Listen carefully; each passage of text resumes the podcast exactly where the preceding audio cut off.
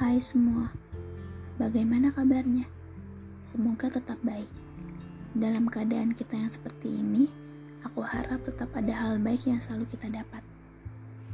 Tidak terasa ya, sudah memasuki pertengahan di bulan kelima. Biasanya aku sangat semangat bertemu bulan ini, bulan yang selalu aku tunggu untuknya.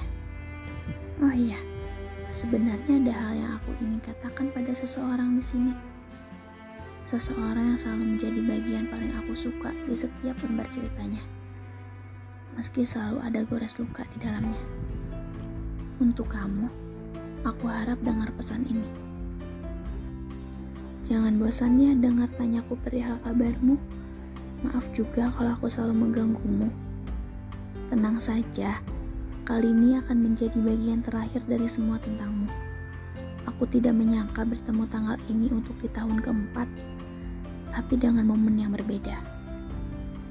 Kali ini aku kirimkan kalimat perpisahan, bukan puisi indah seperti tahun-tahun sebelumnya. Sebenarnya aku gak tahu harus mulai dari mana. Terlalu berat untuk mengatakan hal ini untuk kamu. Aku pamit ya, seperti keinginanmu. Tolong jaga hati dan dirimu baik-baik Tolong bahagia dengan dia yang kamu pilih. Dan tolong doakan aku untuk meneruskan perjalanan ini tanpa nama dan tentangmu lagi. Aku minta maaf telah menuliskanmu dalam sebuah buku.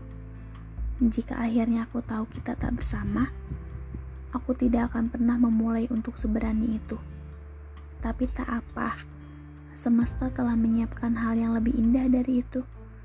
Seseorang yang akan mampu membuatku bahagia dan tentunya bukan kamu. Maaf jika aku mencintaimu terlalu dalam. Maaf jika caraku selalu membuatmu tidak nyaman. Dan maaf untuk segala rasa yang pernah ada. Empat tahun sudah berlalu, dan akan aku tutup cerita ini. Di sini, di hari ini, di detik ini, aku akhiri semua ini. Terima kasih untuk segala pengertian kamu. Terakhir aku katakan, Selamat ulang tahun untuk kamu yang menjadi bagian hati yang tak pernah tergantikan. Dan untuk semesta, terima kasih telah mengizinkan kami bertemu meski bukan aku yang menjadi titik temunya. Terima kasih telah hadir di bumi meski tanpa aku yang memiliki.